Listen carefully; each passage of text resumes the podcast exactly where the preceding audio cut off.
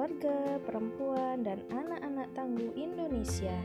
Alhamdulillah wa syukurillah, Ibu Profesional Jember Raya hadir lebih kreatif dan inovatif melalui program baru yang dimanage oleh tim Himpunan Mahasiswa IP Jember Raya. Program ini adalah podcast. Podcast IPJR hadir untuk menjawab tantangan era pandemi yang hampir semua aktivitas dilakukan secara online.